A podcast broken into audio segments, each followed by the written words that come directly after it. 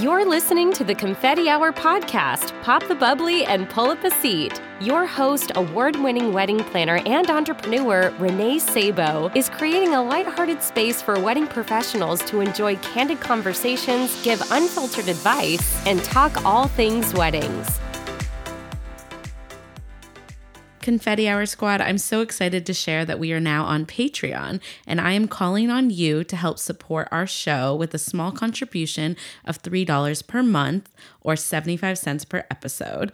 Your support goes towards the professional maintenance of the show, allowing us to continue to bring on reputable wedding professionals weekly to share their incredible journeys and tangible tips to help professionals like you and me elevate our services. I hope you will consider this small contribution to help our show, and you can head on over to patreon.com slash the confetti hour to check out more details about becoming a patron. Welcome to this week's episode of the Confetti Hour podcast. I'm your host, Renee Sabo, and today I'm interviewing Bron Hansboro of the Flower Guy Bron. Award winning floral and event designer Bron Hansboro has devoted his career to navigating clients through the creative process and transforming their visions into exquisite events since 2014. Fondly referred to as the Flower Guy, he is the lead creative and floral designer at the Flower Guy Bron. He provides bespoke design and styling experiences for weddings and events of all types. Bron deeply values his interactions with clients and peers alike and understands the power of making connections through design. His motto is We don't sell flowers, we sell experiences.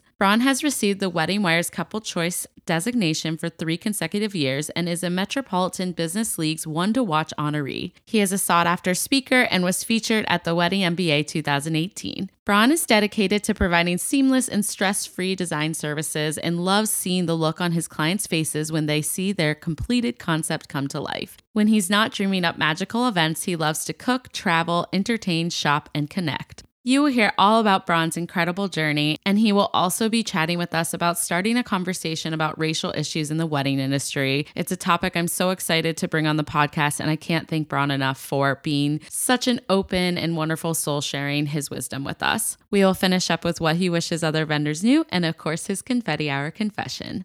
So without further ado, please help me welcome Bron. Hi, Bron. Hi, hi, hi. Hi, everyone. It's such a pleasure to be here today to share some tidbits from my toolbox. And it's always a pleasure being able to share with other creatives. And thank you so much, Renee, for having me. Oh, thank you, Bron, for being here. Like I said, I am really excited. I've been, you know, a fan follower for a while. So oh, thank, thank you. you. for taking the time to come chat with our listeners. I, I know that people are going to be very excited. So to kind of get us started, why don't I just have you dive into your journey? Tell us all about you and, and kind of what's led you to this incredible career that you have. I'm sure it's, it's not the most engaging or entertaining story, but I'll give it a shot. Let's see what you think.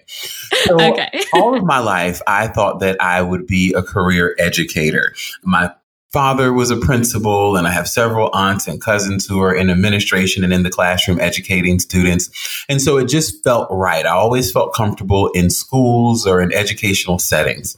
And so when I got to college, I, I was undecided for about two semesters and then finally decided that I was going to become a teacher.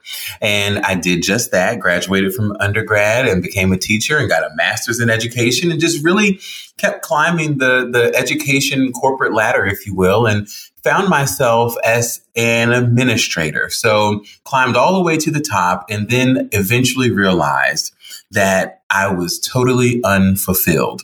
Now, a very rewarding job. However, at a certain point, I was realizing that self preservation was not first in my life. Instead, it was career, it was salary, it was promotion, it was clout. And I fell into a terrible rat race that you'll never win. And I realized that as long as I was in this hamster wheel, I would never really be able to give myself back anything outside of a check that happens once every two weeks. And the second you get it, you blow it, it's gone. Right. Right. So I, right. I was not in a place of, of fullness and feeling very whole about myself. I was breaking down, crying every day on the way to work, very dissatisfied with the direction that my life was going. Now, from the outside looking in, anyone would have said, Oh my God, he has it all. He has a wonderful career. He has, you know, he does this and he does that. But in the inside, I was not fulfilled. So I had to make a very, very, very difficult decision to turn away from the track that I was on and follow one that was all about me. Now, some people would say that that is a selfish move, but after talking to my family and deciding that self preservation was far more important than anything else and that my health and my mental wellness was far more important than anything else, we made a family decision that I was going to quit my job in the middle of the school year, which is unheard of for an educator, right? What about the kids? Well, what about me? And I can't be anything for anyone else if I am not okay. And so I had to make that tough decision and sat back for a while, just kind of wondering, like, is the check going to come? And when it didn't, I'm like, oh, wow, I really left my job. Okay. So now I need to make this thing called the Flower Guy Bron work. That's the motivation, right? about it. I'm like, oh, so I yeah. really was working for that and so when didn't come again, the rubber really had to meet the road. And we came up with some strategies, some marketing plans, and, you know, really started investing in our business and in continuing education and grew a really lovely portfolio of legacy clients as well as always bringing on new clients. And, you know, I do have a pretty signature style and ballroom spaces. However, we're, we're chameleons and can adapt to any space and design just about anything. So we've had, we've come a long way, but I'm very proud of the fact that we serve a very diverse cross section of the wedding industry. And I always look forward to working with diverse vendor teams. And these conversations that we're having now, I feel very comfortable having because I've been doing the work for, for a while now. So now it's time to share some of my findings. Right. That's incredible. And your work is stunning. I mean, oh, it's, I, it's I appreciate gorgeous. that. You know, yeah. for a long time, and I, I was going to touch on this later, but for a long time, I think many wedding and event vendors compare their work to other people or compare what they're doing to everyone else. And for a very long time, I found myself in that in that in that cycle of I'm not good enough. And I had to conquer that. And I needed to conquer that earlier on in my career so that I could be the person to give myself the green light and let myself know that I'm okay and that my work is good. And so now when I hear compliments about my work, I can receive them much differently, but I also can give my work a compliment because it's okay to do that. It's okay to speak positively about yourself. It's okay to feel good about what you did. And when you feel better about yourself, everything you do is better. Absolutely. And it, it, can be so hard here because it's the market. I mean, honestly, the industry's saturated. There is a lot of creatives in the industry. And so I love when you're able to kind of recognize that and be confident, you know? And so that's something I've gone through as well. And, you know, sometimes I just, I always want to be modest, but at the end of the day, I'm like, no, I've worked really hard for this. Awesome. That so, was awesome. That was the catch me now. I'm the only person who can do that in my market. That's okay to know these things because if you don't know it, how can you sell it? And you have to project that, and, and, your clients will feel the confidence and will feel more comfortable in your service because they believe that you. Yeah, absolutely. I love that you say you are serving such a diverse type of client and and and not type of client, I should say more like so many different types of events and types of wonderful clients. And so I can really tell that that shines through with your work. And what does the creative process kind of look like for you? oh, yeah. So the creative process for me may be a little different than some. So for me, my role in a wedding and an event is to interpret the client's vision. Now, of course, I have a design style, and if it was my wedding, I would do. And there are pictures that I want to have. And but actually none of that matters. What matters to me is making sure that I'm able to convert layman's terms about what people think they want and what they don't want. And I'm supposed to be able to differentiate and kind of see between the lines and pick out and extract all of this valuable knowledge so that I can understand not what they like and dislike, but who they are.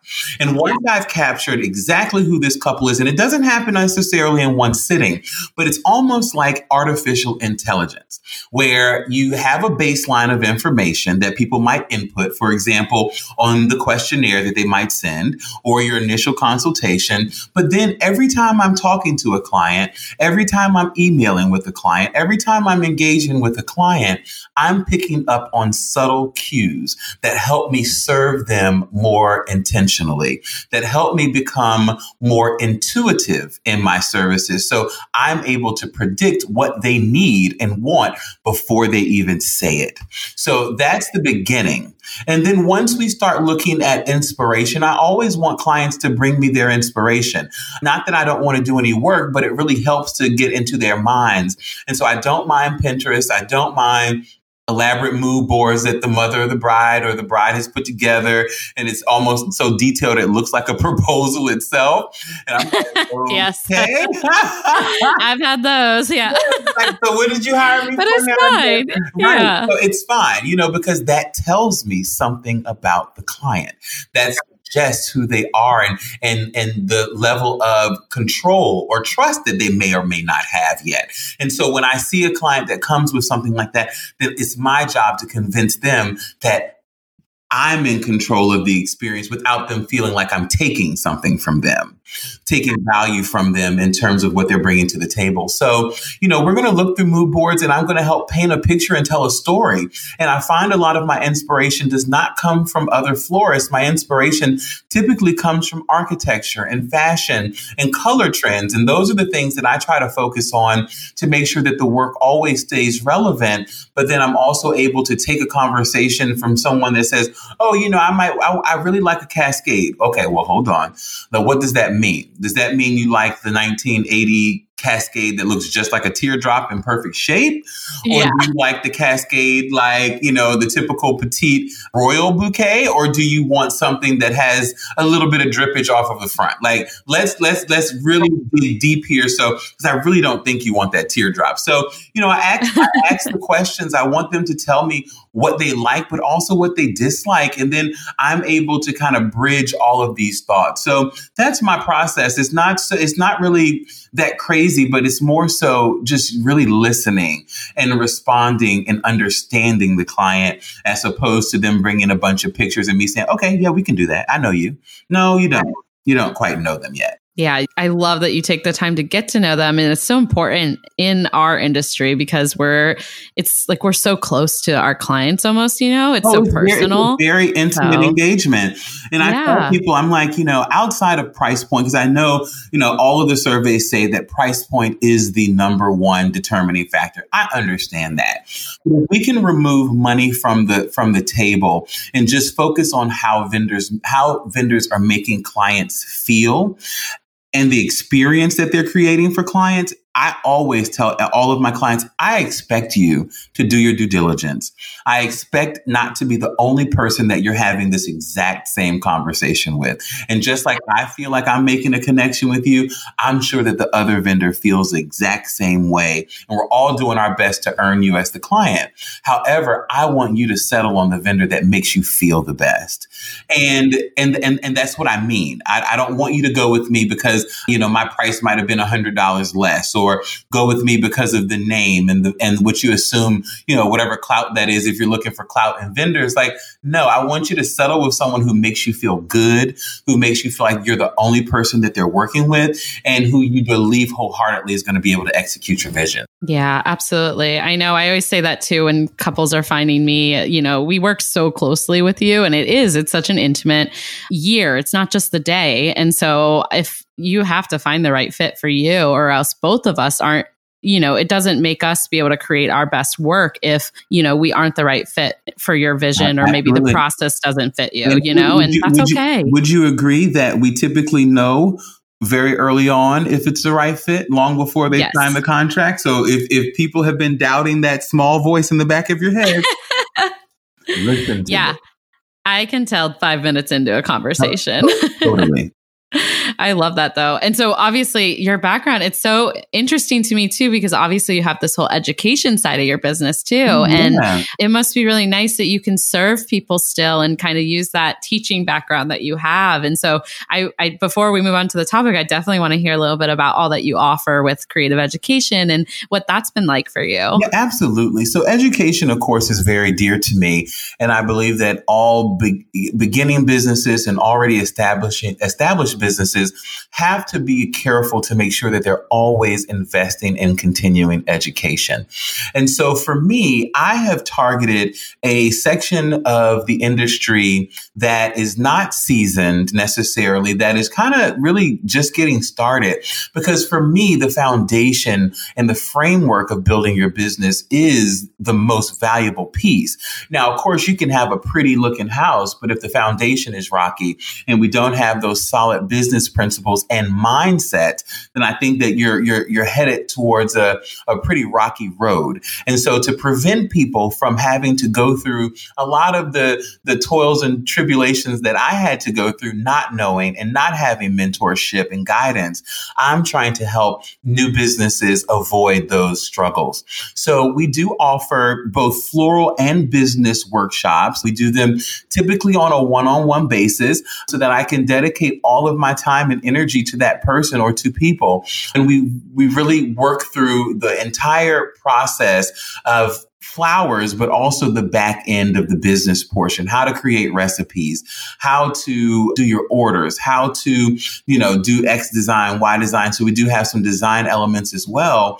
But in addition, you know, to the speaking nationally and internationally on topics that are not just dedicated to florists. And that honestly is where I find the most fun is, is speaking to others and sharing my knowledge with people who don't do exactly what I do and figuring out how the things and pivots that I've made throughout my business, how really and truly a business is still a business, regardless of the service you're providing. So there are some key factors that have to be well oiled. And you can take these processes and procedures and principles to any business. And so I really love sharing with businesses the struggles that I've had, but most importantly, how to avoid those struggles and some tools and techniques to build your business, grow your business and sustain your business without having to have so many, you know, moments of like, oh my God, am I in the right business?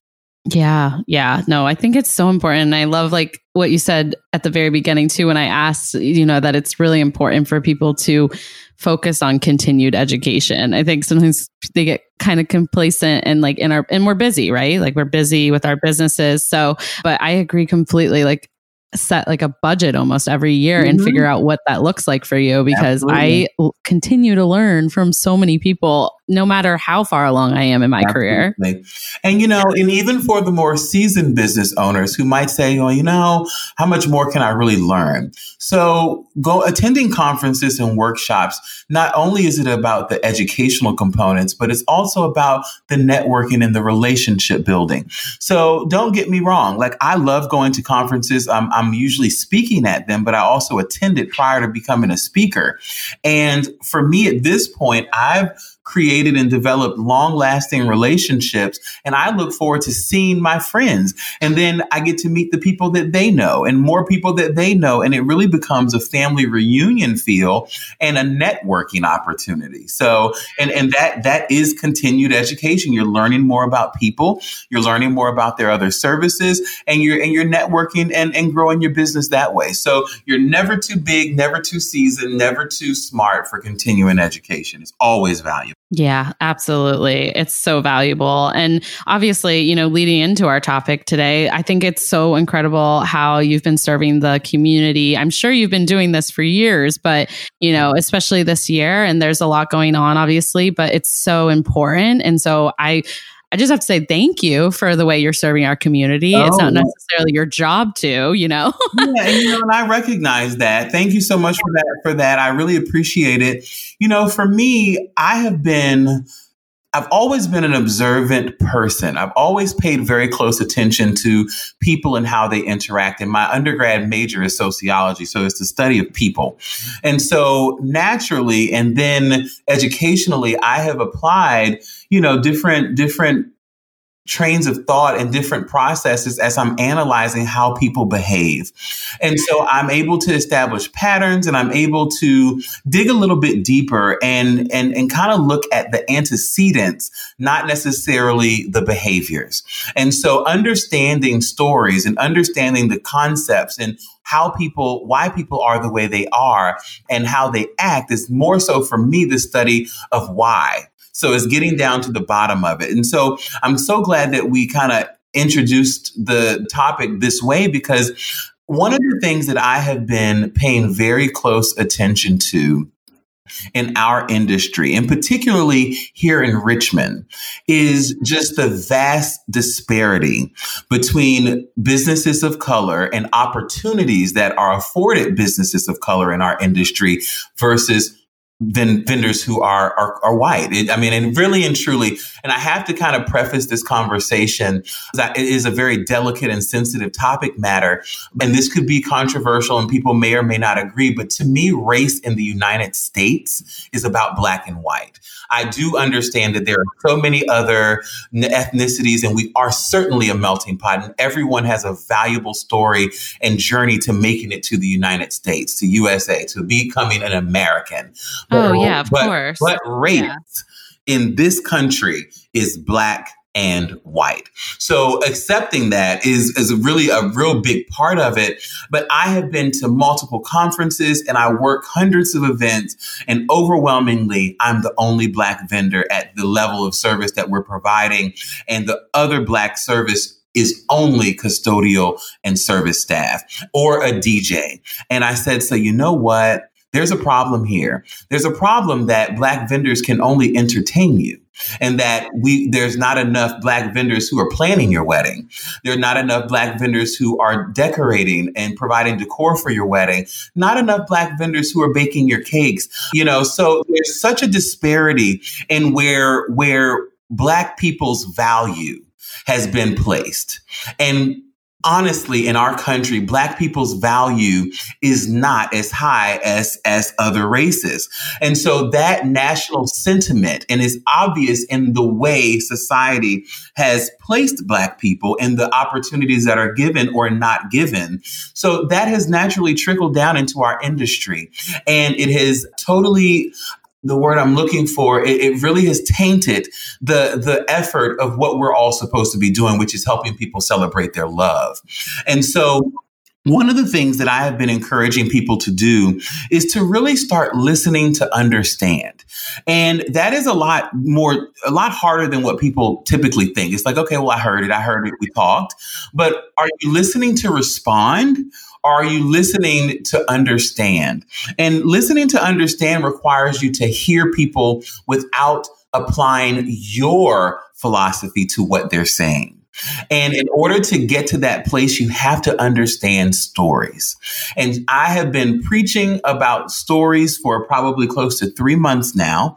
And it, and it, and it never gets old because it's always relevant. In order for you to appreciate somebody, you have to understand their makeup and why they are who they are. And I think that because we're in proximity with people, close proximity, well, not so close these days, but because I see you in the ballroom, I see you in the service elevator, I might do a ven- venue walkthrough with multiple vendors and, you know, we're around each other. So there's a, there's a false sense of security and understanding, but you only really know the business. You don't understand the person. And so as opposed to making business connections where only focused on how can we generate the next lead and share in the in the money I think we need to have that coffee so we can sit down and you can tell me about yourself so that I can understand how you serve clients. And I guarantee you, after that conversation, you will be much better positioned to treat that person well because you know them, you understand them, and you've heard them to, to listen, not to respond. And so once you kind of start changing that mindset, I really want that you to start having conversations with the people around you. One of the things I've realized in talking to a lot, and when I say a lot, I mean hundreds of people about this topic, I'm realizing more and more that most white people have been evolving in mind for a very long time. I don't think that there's many white people that I would be able to that would tell me that no, I think that you know things should be fair, and you know whatever that looks like. I, I believe that that whatever has happened historically should stop. That should not be how we move forward. I don't think that that's a question for most white people, but the difference is white people are in circles or in arenas and in areas and at conference tables and boardrooms and are at different places where black people are not typically. It's your responsibility as you re- evolve in your mind to also have these conversations with other people. That's where white people fail us. That is where you fail us. I have a neighbor across the street that I love dearly. And we have the most deep, in depth conversations about race relations, about money, about all of the, about politics, about all the things that people generally say don't have those conversations in public because it always goes wrong. But we have known each other for several years. We're very comfortable and, and we use each other as springboards for conversation. And at, the more we talk, the more I realize, wow, you're just as evolved as I am. But then I know for a fact when you're in an arena down the street with other people who have not evolved the way you have, you're silent.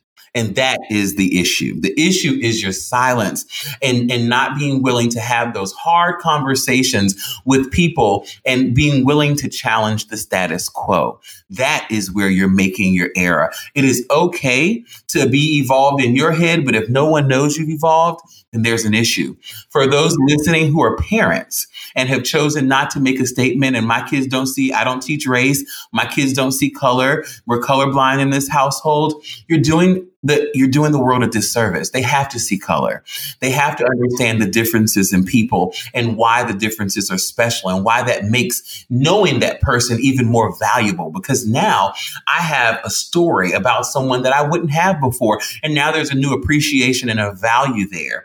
And the last thing you want is for your kids to see you not make a move, not make a statement. And then when you do make a statement, maybe it's too late. Maybe you waited until you were on the wrong side of history or history has already been written and you missed an opportunity to demonstrate what it's like to make a stand for something. And then that's how the next generation of children are no longer racist because they've seen their parents make a stand or make a statement at an early age. And that's a part of who they are. And I could talk about this for on and on and on and on, but this is where the work begins. The work begins in your heart and in your mind. And then it grows and it evolves into your family and then evolves into your neighborhood and then it evolves to your business. And what I what I encourage business owners to do, have these conversations and share your business philosophy with the people who support your business. Tell your team, this is my philosophy. These are my goals in terms of diversity. Give them the opportunity to, to, to, show you their racism if it's there. If they want to be a part of the change, they'll stay and be excited about the work ahead of them. If they leave, then dag on it, you didn't need them a part of your team. And it's all about having these conversations and really diving deep and challenging that status quo. So really and truly, if you walk away from anything that I've said today in terms of what you can do, I want you to start having serious conversations with yourself about when I did this style shoot, what did the vendor team look like? Or the last wedding that I did, what did the vendor team look like? Or the last consultation or 10 consultations have I had? What did that client look like? When I think of my ideal bride, who is he or she? What do they look like?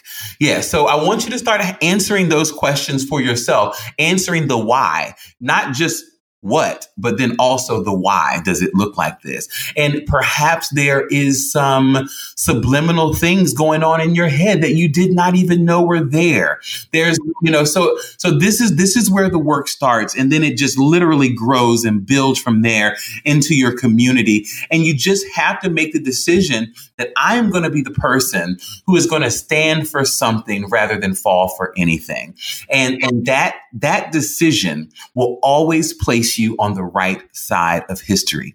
If you have been a vendor that throughout this has remained silent, I am not condemning you. However, I'm, I want to put a little bit more fire under your feet so that you can, you know that making a statement and saying, I'm not racist and my business does not support it. We won't work for racists and we will not work at places that are historically racist. Make a statement and you'll never be wrong. You don't have to wait until you have all of the information. Because I know that that was, you know, a lot of the feedback was like, you know, we're waiting to educate ourselves. I'm like, educate yourselves on what? Like, educate yourself on the fact that when you go to work every day, there's no one that looks like me. You know, mm-hmm. like like what's there to educate? There's some pretty harsh and, and very loud realities in our industry. And you know, in a lot of national organizations I was finding like you're silent. What, what are you learning? Like, do the you you, you do know the, the the demographic of your organization is eighty percent Caucasian women, right? So what are you learning? you know, so I know. so, but it doesn't take a month of learning to make a statement and say, I am not racist and I don't tolerate that.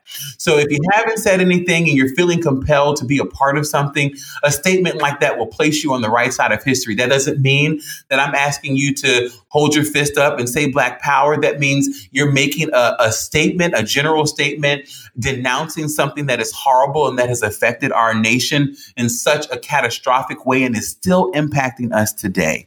Making a statement is what we need people to do. So that is my my, you know, I guess you would say my Reader's Digest version of what you can be doing to initiate these conversations and to start shifting your mind so that our industry can grow. And I think that honestly, COVID is one of the best things. I mean, don't get me wrong, the loss of income, I do understand is an issue. But in terms of the opportunity to reimagine yourself, reimagine your business and your practices, there's not a better time to start working on you and making sure that you're a better person. There's no, I couldn't agree more. There's no better yeah. time. There's you can't start this type of work too late. No. And I think it's kind of like giving yourself a little grace that if you are just starting to come to the party, like come on in, you know, it's it's totally fine. And I resonate so much with what you are saying, Bron, because I had to take a really hard look at the fact that my podcast, I don't think I've done a very good job about holding these conversations or even talking about, you know, other areas. It's not even from, you know, nothing, none of it was intentional, obviously. It's just more of like, I need to act. That's actually the issue is I need to be more intentional about serving our diverse industry and not just kind of in my own little kind of bubble that I've kind of been in, you know? And so, you know, having conversations and talking to creatives about the different types of weddings they serve. I, I you know, I have a pro coming on to, they only serve, you know, they do like South Asian weddings and they're stunning. And, you know, these are things that I've always wanted to do, but it's just shame on me that it's, it's not it hasn't been forefront of my mind. And so you know it's it's not easy to look inward or to listen like you're saying like you do have to listen in order to and really like take ownership and be self-aware of like where you've kind of had some of those flaws because we've just been so conditioned at this point that I never even realized. And that's exactly because that's the upbringing that I think you know communities that i was in wanted me to have you know and so it is i i really do i know i said it earlier but thank you for pushing this conversation i know that it probably isn't something that you just started doing this year and it's something that we need to continue and it needs to be on the forefront of people's minds forever, like moving forward, you know? Yeah. So, what a better time to do that, right? Absolutely. That's what I'm using this time for. I'm using this time to become a better Bron period. Because if Bron is a better Bron, the flower guy Bron is even better. Yes, absolutely. I know it's just kind of funny how crazy life was before all this and it's really the whole pandemic puts a lot of things into perspective and I'm I'm grateful for it. I know that obviously there's a lot of hardships that have come out of it, but I agree there's a lot of positives that are coming out of this too and this is one of them. So Absolutely. Yeah, Absolutely. But oh, I love it. Thank you so much for sharing. That was really helpful. Mm, absolutely my pleasure. I want I wanted to do like the preach emoji. Like yeah, yeah. I'll put it in the I love it social media post. No, I'm just kidding. Anyways, okay, so I'm excited to ask you this next question because with all your experience, I'm sure you've had some fun experiences and some great experiences working with different creatives. So, if there was something on your mind that you could, what would you share with another vendor and, and what would you want you know another vendor to know. Yeah i would want every vendor to know that you're already good but in your quest to becoming great put your head down and focus on you. Focus on the things that you want to achieve. Focus on the clients that you want to serve. Focus on the events and the caliber of work that you want to perform. No one else should be allowed to be the judge or the jury in how you feel about your success. So take back that control. If there's a magazine that you've wanted to be in that has not published your work yet, so be it. You're still good. If yeah. there is a podcast that you've wanted to be a guest on that you have not been invited to, so what? You're still a great speaker. If there is anything that you have wanted to do that you have felt inadequate about, or someone has made you feel inadequate about, take that power back, forgive them, and and you be the judge and the jury for how you feel about I love that. That's such a good one. I think it's so like we were talking about earlier, like this like competitive industry and it doesn't really have to be that way. Like I I just keep my head down and focus on things that I'm I know I'm serving my clients. I love them. They love me and I get to create every day and you know I don't really try to pay attention to what other no, you know, the, planners the, are doing. So. the, the true battle is selling yourself to win the win the client. That's the competition. Once you win the client that there's no more competition with other vendors. So you do your work and you, you do the best presentation and you have the best conversation and create the best conditions for the client to work for you. But that doesn't have anything to do with, shouldn't have anything to do with how you feel about a fellow vendor. What does that have to do with anything? We're all competing technically for the same business, unless the person is coming to you as a destination. But after that, let it go. Now we're partners. Now I have a client. How can we work together? How can I share an opportunity? How can I bring you onto my team to freelance? That's how I think. So that you, so that you can have an experience with me and we can grow our relationship. And then when you need some help, then you can hire me and I can freelance for you. That's how I see this thing being. So I'm with you 100%. I love it. I love it so much. I knew you'd have a good one for me. Anyways, okay. So the next thing that I always ask on my guests is if you have a confetti hour confession. It can be personal. Per- oh, good. Okay. Yeah, I do. It. I have a confession, and it's it's really weird, and, and it ended up working out well, but it, it definitely could have been the worst experience of my life. So yeah. oh no. My most expensive wedding to date was last fall. No, maybe the fall before last. And so this wedding had so much planning and preparation. The every vendor was top notch and there was no room for anyone to drop a ball. And we had had many conversations with with the client and the planner, the colors, everything was set in stone. But when the flowers came, the colors were a little off. And I say a little off, I mean a lot off. So we were supposed to be going for a blush and ivory with some coral. I don't know where mauve and and lavender came in. But gad daggone it, I didn't have a choice. I designed those centerpieces as pretty as I could I added a whole lot of extra things to try to mask it so that those colors were on the back end, not in the forefront. I showed up with these beautiful arrangements. I mean, they were beautiful, but they were not the color. The bride did not notice. And if she did, she loved it. Oh, good. Oh my gosh, though. Wow, crazy. In love with her flowers. She still comments on every single post. I mean, her mom, her sister's getting married in a couple of years. We'll be doing that wedding too. So, with me adding two colors to her palette that were not supposed to be there, that's my confession. I've I've fudged the colors for my most expensive wedding. And it wasn't oh, me. No. It just, they, they came in wrong. yeah, had, well, you guys have such a hard job. It's like you can't control nature sometimes, you know? No, and, and I and I think that that was actually one of the issues is that one of the flowers that I had been using for years came in either a little immature off the off the bush and it just mm. had not gotten to the color that I was expecting. I'm like, oh my gosh. But it's but it's pretty. Hopefully she likes it. And you know, tens of thousands of dollars of investment. She was very happy, but I was I was passing bricks. I won't say the S word, but I was passing yeah. bricks.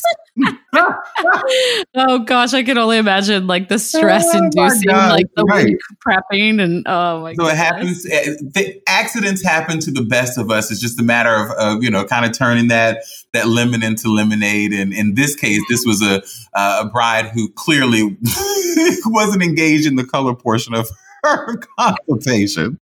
Oh my gosh. And you know, so I guess funny. the key there is knowing how to blend the colors so that it's always tasteful. You know, it's not like an eyesore. Right, right. I feel like you're uh, such a great designer. I'm sure you were able to like make it so that it didn't feel such an eyesore. Yeah, like you said. Yeah. I've actually like as a planner, I've definitely sometimes I my, you know, I'm surprised. I have a lot of anxiety the weekend of wedding. I probably shouldn't admit that, but we're doing confessions, aren't we? Yeah. And it's just because of all these little details like that. You know, we get one day to perform. It's mm-hmm. it's an mm-hmm. intense job, and so I will always have anxiety because I care. And so when I see some of the flowers come in, I can't help myself. Sometimes I'm like, okay, they're beautiful, they're beautiful. Oh, she's gonna flip out on that shade. It's not mm-hmm. the right mm-hmm. shade, mm-hmm. and I just have to remember all these conversations that we've had with them beforehand, saying like, you know, florals are nature. It's not something, you know, if it's like everything. slightly off. Yeah. And they're still stunning. And every single time my brides never would notice that. Yeah, totally. Detail. I mean, you know, honestly, since we're confessing, you know, I because Yeah, my, give me more. yeah, because my process is so involved and I, I really do feel like everyone that we book, I understand who they are. I will sometimes take liberty beyond the conversation creative liberty. And i tell them that you know certain times you know i might have to do what the flower guy Bron does just to make sure that you get exactly what you're expecting. So i have tweaked colors before just because i'm like this is what you said, but this is what I this is what I've learned about you. And what I've learned about you is a little bit more important. So we're going to have a little bit of what you say, but we're going to have a lot more of what what I've learned because I think that that's really what you're asking for. You just don't know how to say it. So I've right. taken, I've taken liberties left and right with multiple clients, and it always ends up in my favor. Good. Yeah. No, I think they are leaning on you for that expertise. I mean, I, I, that's why they're coming to you, right? They, I hope. Yeah. right. And so I always have to say that too to my clients. I'm like, just kind of trust the process a little. Like you're hiring, you know, a designer to, to just understand who you are and what you want because I mean, are you an expert in every single flower and how to like create these concoctions? No, you're not. So that's why we're hiring someone as talented, you know, like let them speak for you and you'll be happy with the outcome, you know? And for the most part, yeah, like all my clients, they they kind of lean into their vendor teams like that, which is like the best, you know? Mm-hmm. it's the best when you have a client like that for sure. But oh, well, I like really don't want the episode to end. So yeah. I am I'm like, no, I love chatting with you, Bron. But what does the future have in hold for you? I mean, yeah. Uh, so you yeah. know, the future is is is unsure. If I were to tell you that I I know exactly what I'm going to be doing, you know, indefinitely for the next few years, I'd be lying. And I think that, you know, most of us vendors probably should be a little bit more transparent about what we're thinking, what we're feeling, and what we're experiencing. I'd be lying to you to say that I have not had moments throughout COVID that I wondered if if I would still be in business. I, I still am in business, but I think the reality is most of us are experiencing drastic drops in income unexpectedly. So, you know, I don't necessarily know what the what what the industry has for me next, but I do look forward to continuing providing educational platforms and and really, you know, uplifting the community. You know, my thing outside of flowers and education is inspiration and, and motivating people. And so I think that right now, you know, our focus has been always been on in the educational world for for wedding and events people, we've always focused so much on the actionable takeaway. You know, whatever you're talking about, everything has to have an action item tied to it because that's what people want to know. People want to know action, action, action. But at what point? are we going to start talking and addressing the person behind the business? And this time of COVID has taught me how important it is for me to keep Bron focused and Bron centered and Bron okay and Bron happy so that the flower guy Bron can perform.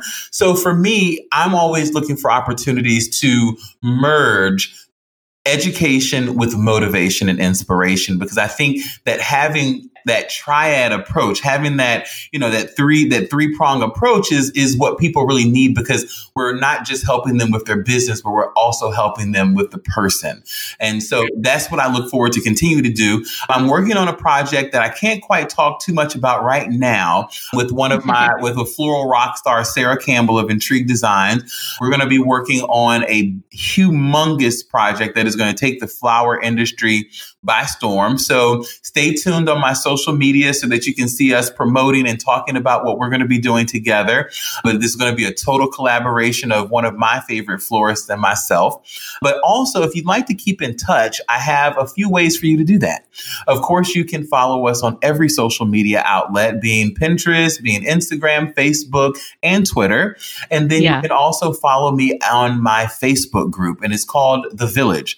I believe that it takes a village village to create an event, and we don't have enough opportunities to share and collaborate and learn more about each other's stories and businesses. So the village is a motivational community for wedding and event professionals where vendors of all different categories can come together, share their highs together, and be supported during their lows. And we can learn from people about their services and what it takes and understand perspective of people. So I would love for you to join the village in addition to following us on all the social media outlets. And that's how you can stay in touch and keep in touch with me.